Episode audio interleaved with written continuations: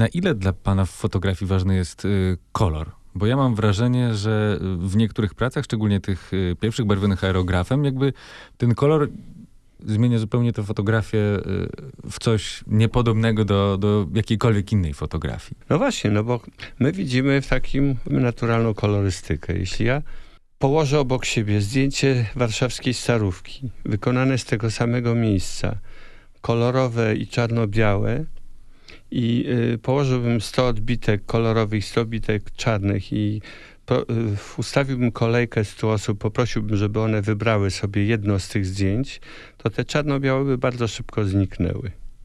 Dlaczego? Dlatego, że one pokazują znaną nam rzeczywistość w inny sposób. Czyli już są dla nas ciekawsze, prawda? My nie widzimy parasoli kolorowych i ludzi o kolorze skóry, tylko widzimy ich wszystko w czarno-bieli. W związku z tym tam inne elementy powodują, że to zdjęcie jest atrakcyjne. Tam jest, tam jest więcej grafiki, a jeśli jest na tym zdjęciu człowiek, y, który y, ma y, grymas na twarzy, to ten grymas jest o wiele bardziej wyraźny w fotografii czarno-białej niż w kolorowej, bo nie jest zagłuszany różnymi kolorami z boku, z tyłu, a również kolorem jego twarzy. Ja, e, ja staram się w ogóle, oczywiście bardzo często musiałem robić i to czasami wręcz świadomie, nawet w swoich własnych projektach kolorowe zdjęcia, bo akurat był taki pomysł i to wymagało pełnego dokumentu, a pełny dokument to jest odzwierciedlający rzeczywistość, prawda?